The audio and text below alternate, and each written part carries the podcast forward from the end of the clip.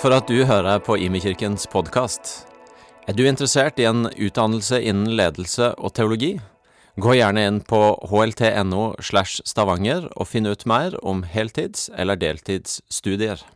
All right, hello. All right, so uh, a couple things, a couple things. Um, salvation is free, but my book is not. That's a joke. That's a joke. Um, so, this is an incredible honor uh, to have my book translated into Norwegian. Um, I grew up not even liking to read books.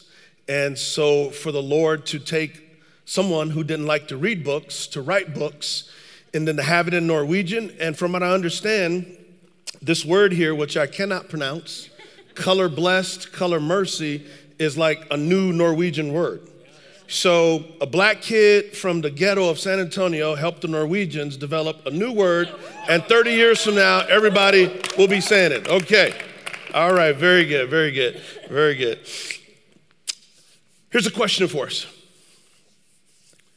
How does a man that is a, a Jewish nationalist, he, he would have been a Pharisee, uh, he would have been against this thing called the way um, he would have been against Jews and Gentiles mixing together to follow the so called Messiah.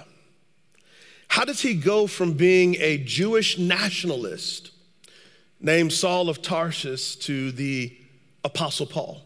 How do you go from wanting to destroy the church to becoming a builder of the church? But as he built the church, he built it in such a way that Jesus was the center through his life, death, and resurrection. And because Jesus was the center, he was like gravity and he drew people together. But the people he drew together should have been enemies, not families. They should have been foes and not friends. How does that happen? Well, the Apostle Paul met Jesus, and when he met Jesus, not only was his personal life transformed, but he went into the world joining God on his mission. And his mission was not simply to save souls. His mission was not simply just to forgive sins. His mission was to save souls, but also the whole of a person. It was not just to forgive sins, but it was to create a family of different colored skins who had their sins forgiven. By the way, in American English, the crowd would have just jumped up at that point. They would have, they would have just went crazy right there. There we go. Yeah, good. Very good.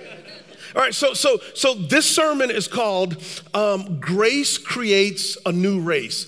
Grace creates a new race. In English, grace is G R A C E, race is R A C E. So in English, it plays well because if you drop the G from grace, you have race. Well, grace creates a new race made up of all of the human race of every nation, every tribe, and every tongue.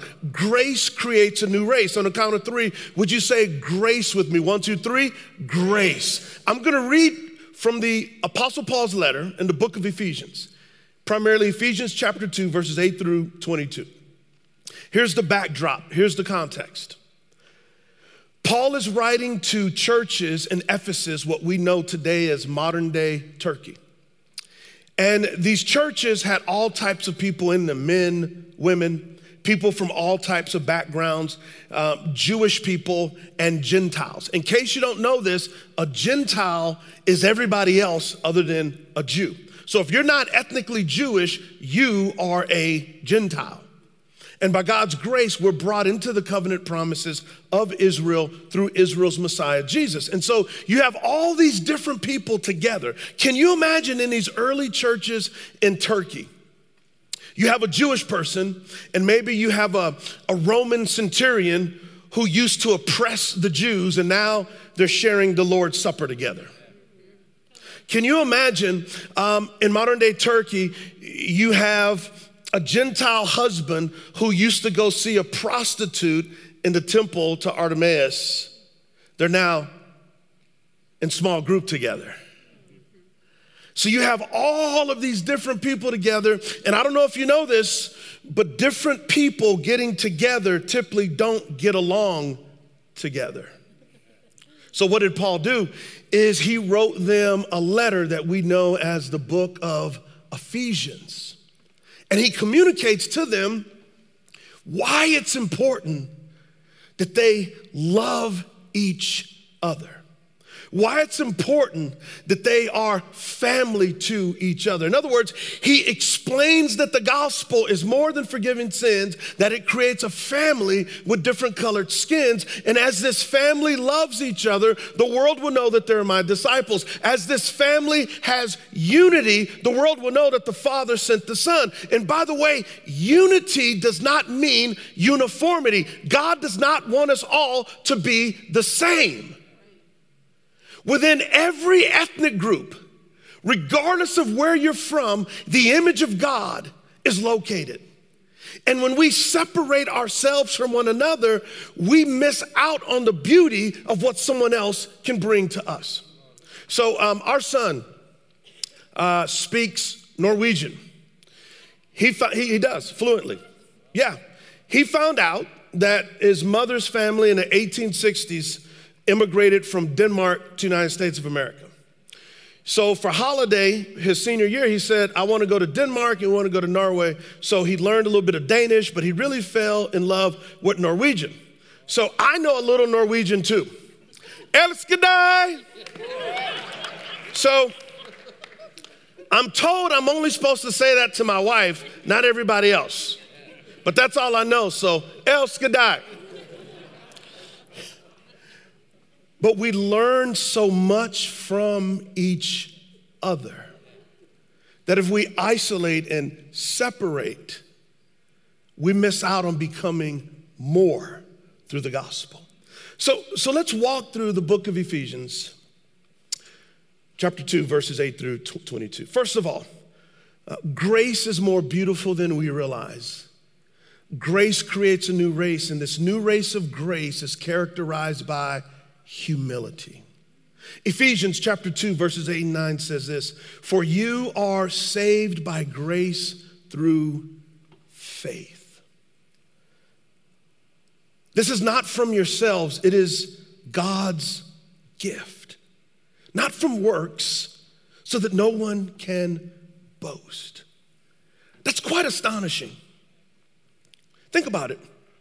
The living creator of the universe says, I see that you are broken. You are sinners. The word sin means to miss the mark. Jesus himself is the mark. Therefore, we all miss the mark. But God says, I'm going to send the mark himself, Jesus, to be for us what we could never, ever do.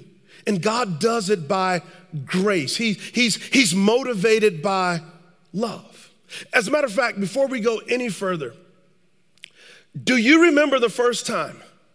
That you fell in love with Jesus? Do you remember the first time that, that you looked into his eyes of grace and he brought you to your knees because you've never seen anyone so beautiful, so glorious, so, so, so merciful, so kind, so good, so forgiving, so generous. Do you remember that time? Because the greatest thing you will ever do is not how much you love God, but remember how much God loves you. And by the way, your secular Norwegian culture, beautiful music is attractive, but love is more attractive when they see that you love something beyond the material. I didn't grow up in, in church, so I was, I was unchurched. Uh, the family I came from, lots of drugs, lots of violence. My mom had me when she was 17. But I grew up um, in Texas. You guys ever heard of Texas? Um, yeah, so in Texas, we play football, not kick the ball thing.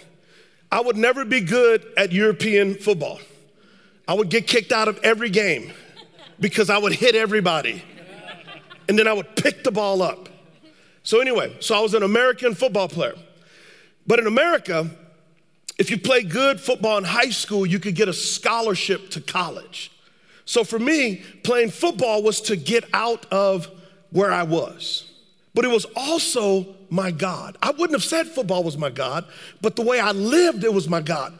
Even atheists worship something. The human heart is going to worship something, and worship is whatever you love the most, whatever gives you identity, whatever gives you significance, whatever gives you mission. And football gave me all those things. And so I accepted a football scholarship to Brigham Young University in Utah. There's more white people in Utah than Norway. That's a joke.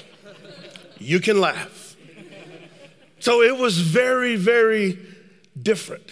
And then I met Vicky my freshman year, and we've been together ever since. We've known each other 33 years. We've been married for 30 years. Vicky was on the, uh, the track team, and so she would throw the javelin. And being Dane, I married a Viking that can throw the javelin, so it's good.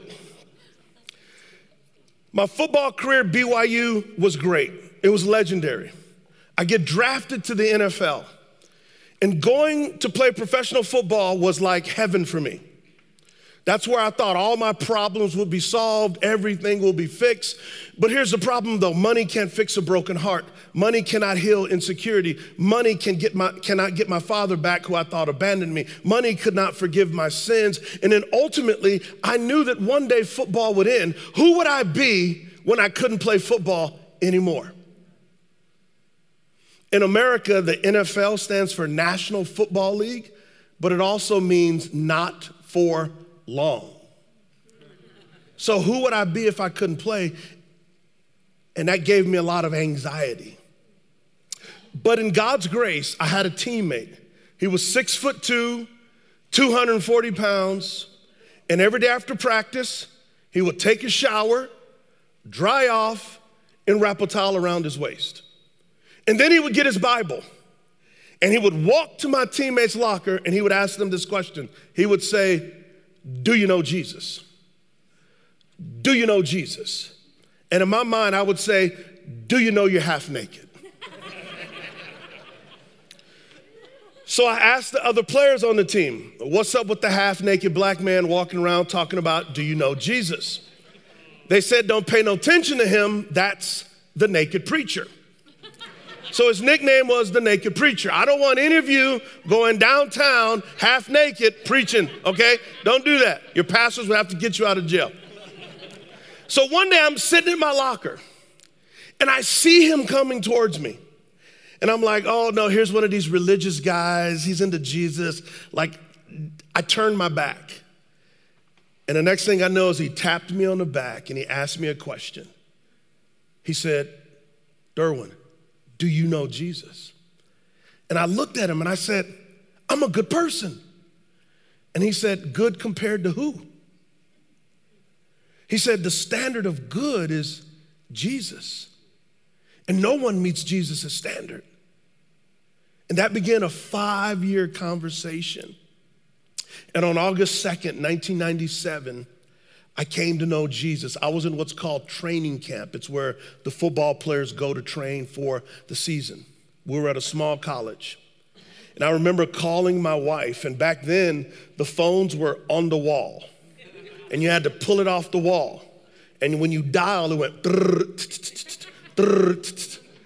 And I called her on the phone and I said, I want to be more committed to you, and I want to be more committed to Jesus. And the best way I can describe it is this way for the first time in my life, I knew that I was loved. And there was no, I was loved because. It was, you are loved. You, you, are, you are forgiven. And it was the first time that, that somebody said, I love you, not because I was big and strong and fast and, and I could help the team win. I couldn't help God do anything. God doesn't need help. God is perfect. As theologians say, He's self existent, He needs nothing, yet He chose to love me. And I've never gotten over that. You see, when we understand grace, it creates humility.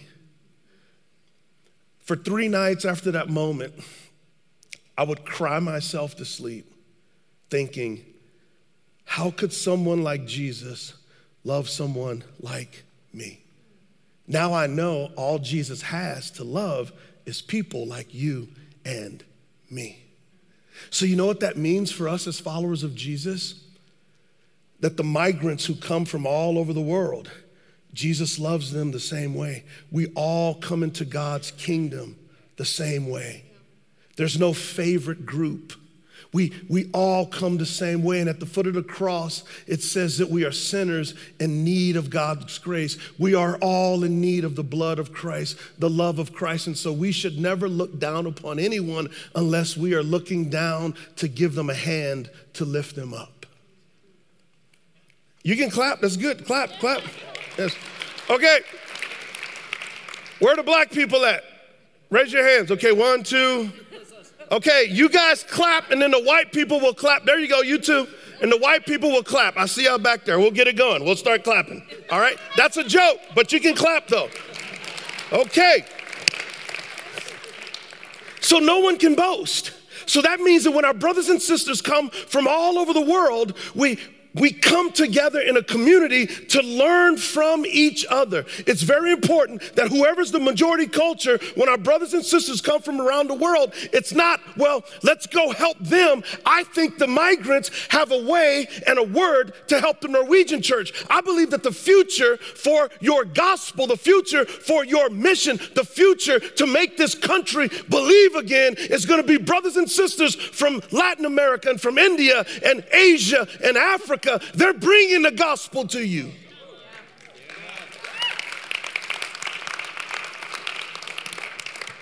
This new race of grace is characterized by the story of a promise. The apostle Paul says this in Ephesians 2:10, "For we are his workmanship." The word workmanship is the Greek word it, and it, and it, and it means like um, a poem or his artwork. Think about this. The minute that you say yes to Jesus as your Savior and your King, you become a paintbrush in his hands, different colored paintbrushes in his hands, and the world becomes a canvas. And he uses you to create pictures of love. We, we are his workmanship. Then it says, created in Christ Jesus for good works. Let me pause here. Um, for the young adults here that are under 30, this is really important. I'm talking to everybody, but I'm especially talking to you.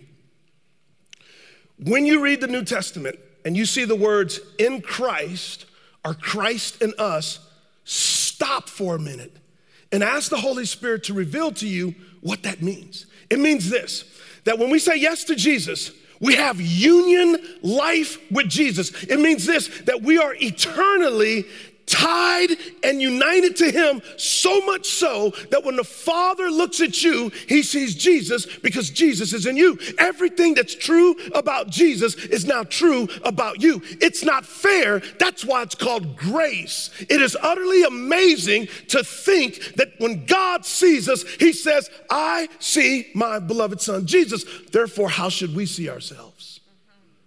If we don't see ourselves the way god sees us we're in essence telling God he's lying. And God doesn't lie, he is truth. You, beloved brothers and sisters, are in Christ. People ask me, what has helped you grow in your faith the most?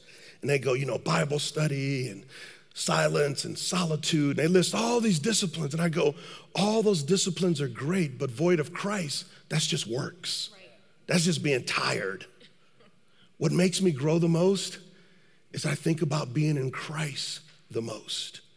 And on the inside, it transforms me on the outside because I delight in God delighting in me. It says, uh, created in Christ Jesus for good works, which God prepared ahead of time for us to do. Well, what are these good works? Are you bringing me water? Praise God, this is living water in America, we have bottles of water.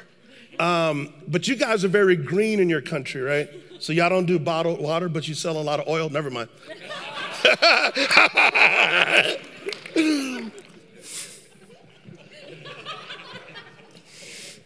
I told my wife I was gonna say that, like, they're green, but they sell a lot of that black oil.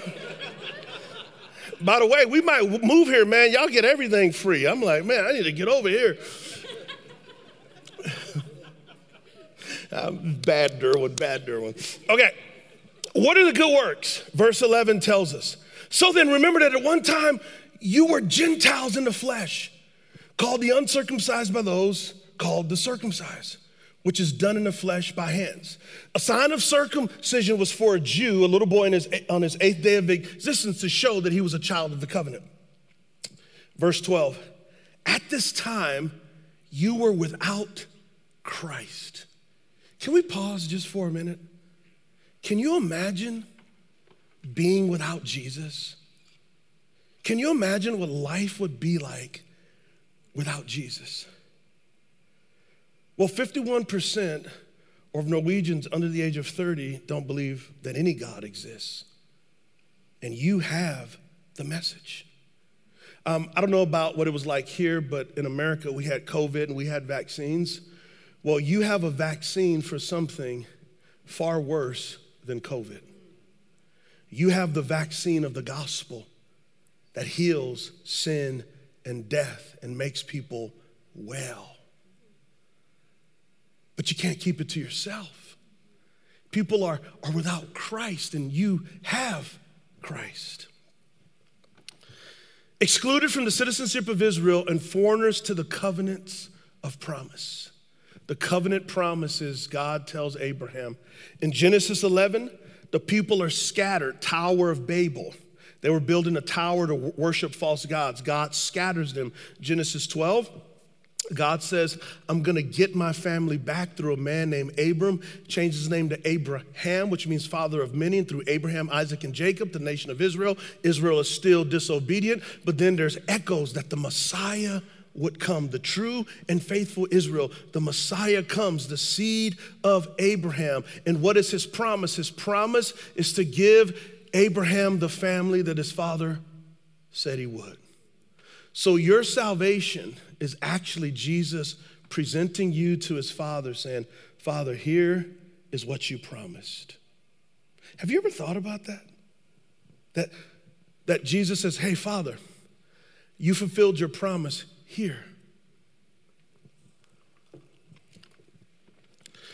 Covenants of promise without hope and without God in the world. This new race of grace is also characterized by peace. Verse 13, but now in Christ Jesus, there it is again. But now in Christ Jesus, you who were far away have been brought near by the blood of Christ. By the blood of Christ. Can I tell you about the blood of Christ? Now, I'm gonna do my best. But even if I had 10,000 tongues times 20,000 tongues, it wouldn't be enough tongues to tell you how great the blood of Christ is. But I'm gonna try anyway. The blood of Christ is an eternal fountain of not only forgiveness, but power and love. The blood of Christ is the type of blood that will make divorced people get remarried.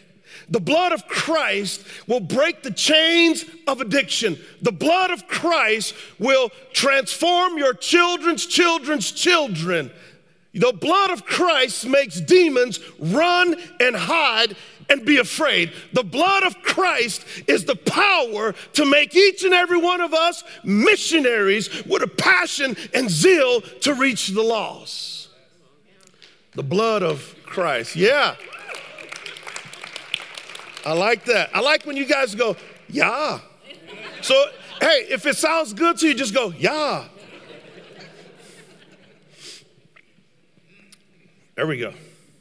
Verse 14, for he is our peace. That means that we have peace with God. Jesus was condemned, we were accepted. Jesus was rejected, we were accepted. Jesus took our unrighteousness, we took his righteousness. We have peace with God. And what did he do? He made both groups one and tore down the wall of hostility. In his flesh, he made of no effect the law consisting of commands and expressed in regulations. Watch this, so that he might create in himself one new man from the two. We are the new race of grace. You have Jews, you have Gentiles, and you have the church, which is Jews and Gentiles. We are the new race of grace. So, for my wife and I, not growing up in church, we found it very strange in America when people said, okay, you're Christians now, go to a church. And it was like, do we have to go to an all black church or an all white church? That was politically incorrect to say that. Now, we were new Christians and we had no church experience, so we read the Bible and we saw that it said the church had Jews and Gentiles together. But yet the American church said you could go to a white church or a black church. And we began to ask people questions why it was this way. And what we heard was racism. What we heard was fear. What we heard was disobedience to the gospel. What we heard was disengagement. And so we had a choice. We could criticize or we could create. So it was my wife and I and two others around the table. And we asked God to create a church that looked like heaven on earth. The problem is, it was in the state of South Carolina. Now, let me give you some US history. The state of South Carolina was the first state that told the Union or America, we don't want to be Americans. We want to keep black people enslaved. So the first shots of the Civil War were in South Carolina where we're going to plant a church. If we would have planted a church in South Carolina 30 year, years ago, there would have been crosses burning all over it because of the Ku Klux Klan. So for us to have a thousands and thousands and thousands of people, multi-ethnic people in, the, in that state is demonstrating you have the peace of God. You have the power of God. Your church has an opportunity to show Norway as you reach those who are coming to you. At one time, Norwegians sent people to the nations. Now the nations are sending people to Norway. Mm-hmm. From the two resulting in peace, he did this so that he might reconcile both to God in one body through the cross. Do you see how powerful the cross is? It says it reconciles both of us. Reconciliation means that vertically we become friends of God and horizontally we become family. That's already there. It's already happening. So, what does that mean? It means that we learn to take a posture of learning from the other. Several years ago, my daughter and I went to India on a missions trip, and we made it. That's a big deal because our wife, my wife, did not come. So she was concerned that we may end up in Antarctica or Iceland. But we made it to, to India. My mentality when we went was this man, I'm gonna go help these people, I'm gonna preach the gospel, and man, God, thank you for sending me there to help them. We went to this place called the Kalpar slums in Calcutta, and it was primarily the lower caste in India. Their home was a garbage dump. They literally took a garbage dump and made a home, and they were worshiping Jesus. And I got to baptize people, and and and when it was time to preach, it was like 100 degrees, and people just filled that garbage dump, and, and they were just everywhere.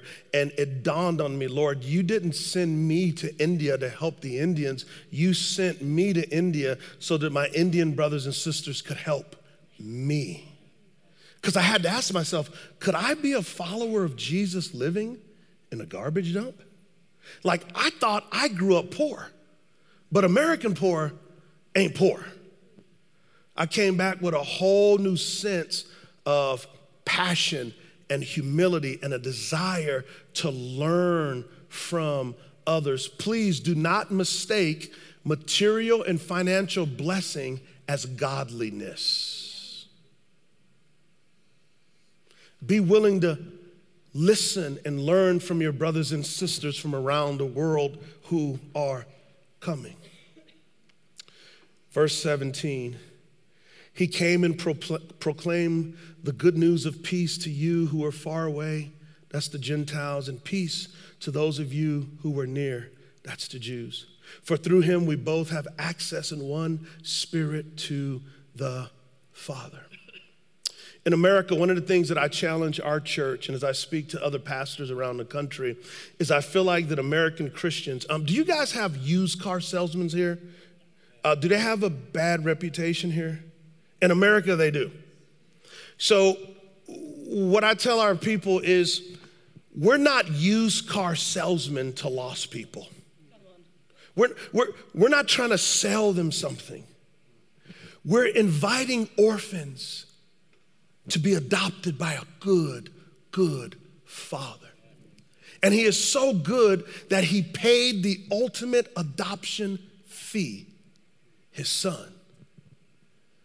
The son's blood, grace, and mercy. That the world is, is filled with loneliness, filled with sin, filled with brokenness, and we have a father who can do something about it.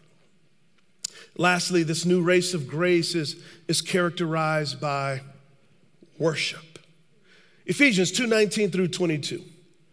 So then, you're no longer foreigners and strangers, but fellow citizens with the saints and members of God's household. So, Paul is talking primarily to Gentiles, but he's telling Gentiles and Jews that we are not foreigners in God's kingdom, that, that we share the same household. We have the same Father. Verse 20 says, built on the foundation of the apostles and prophets with Christ Jesus himself as the cornerstone. Verse 21, in him, there's that word again, in him, the whole building being put together grows into a holy temple in the Lord. In him, you're also being put together for God's dwelling in the Spirit. Let's pause here. I got a little bit of time, so can I finesse this a little bit? Uh, finesse is kind of a cool word we use in America. It just means, can I take my time?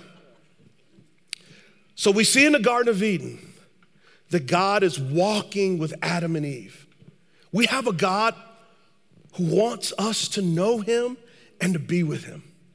And then after the rebellion of Adam and Eve, ultimately God says, okay, I want to be with you. So, so build me a tabernacle. I, I want to go where you go. I, I want to be with you. And, and, then, and, and then he says, I want you to build me a temple. And in the temple, there's the holies of holies and my glory will be there. I want to be with you. And then ultimately God says, okay, no more buildings. I'm going to send my son. Oh my God. I'm going to, oh, can I preach for a minute? I'm going to send my son, the eternal son of God the King of Kings and the Lord of Lords. And the Bible says that we beheld the glory of the Father, full of grace and truth. He tabernacled among us. God said, I want to be with you so much that I'm coming in your presence. And then when he raises from the dead, he goes, Now I'm in you. The living God of the universe is in you. By the way, you guys know why I'm so passionate? You, do you want to know why? I watch Viking movies. what happened to you guys? You guys used to be berserkers. Used to raid England and take all their stuff. The Holy Spirit, God's presence is in us. She's still laughing. That's hilarious. the Holy Spirit is in us. I love music. You guys are phenomenal. It's beautiful. The greatest form of worship is the music of loving God with all of your heart, mind, and soul and strength, and loving your neighbor as you love yourself. That is the greatest praise song you can ever sing.